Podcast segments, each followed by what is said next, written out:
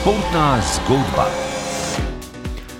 Nekatere sezone se začenjajo, druge končujejo. Črto pod novo stran športnega plezanja v jutranji športni zgodbi potegne Dare Rupar.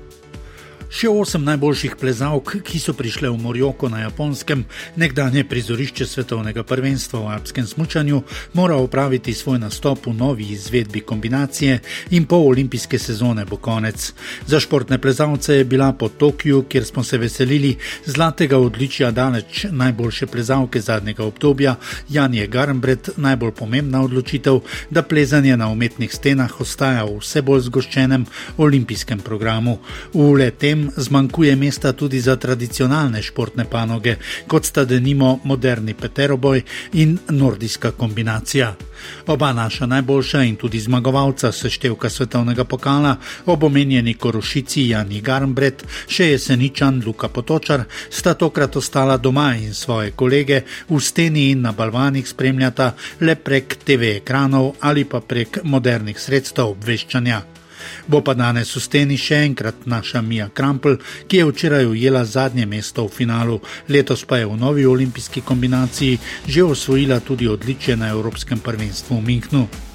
In ko smo pri bavarski prestolnici, se hitro spomnimo, koliko težav so imeli s spremljanjem nove kombinacije, tudi precej boljši poznavalci športnega plezanja kot sem sam.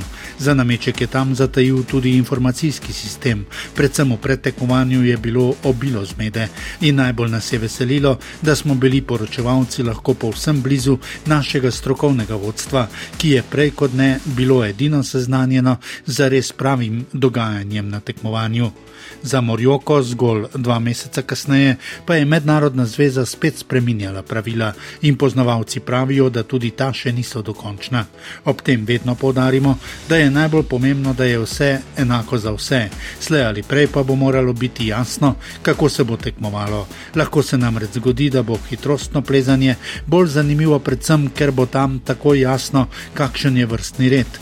Hitrostno plezanje pa s pravim plezanjem seveda nima nobene povezave.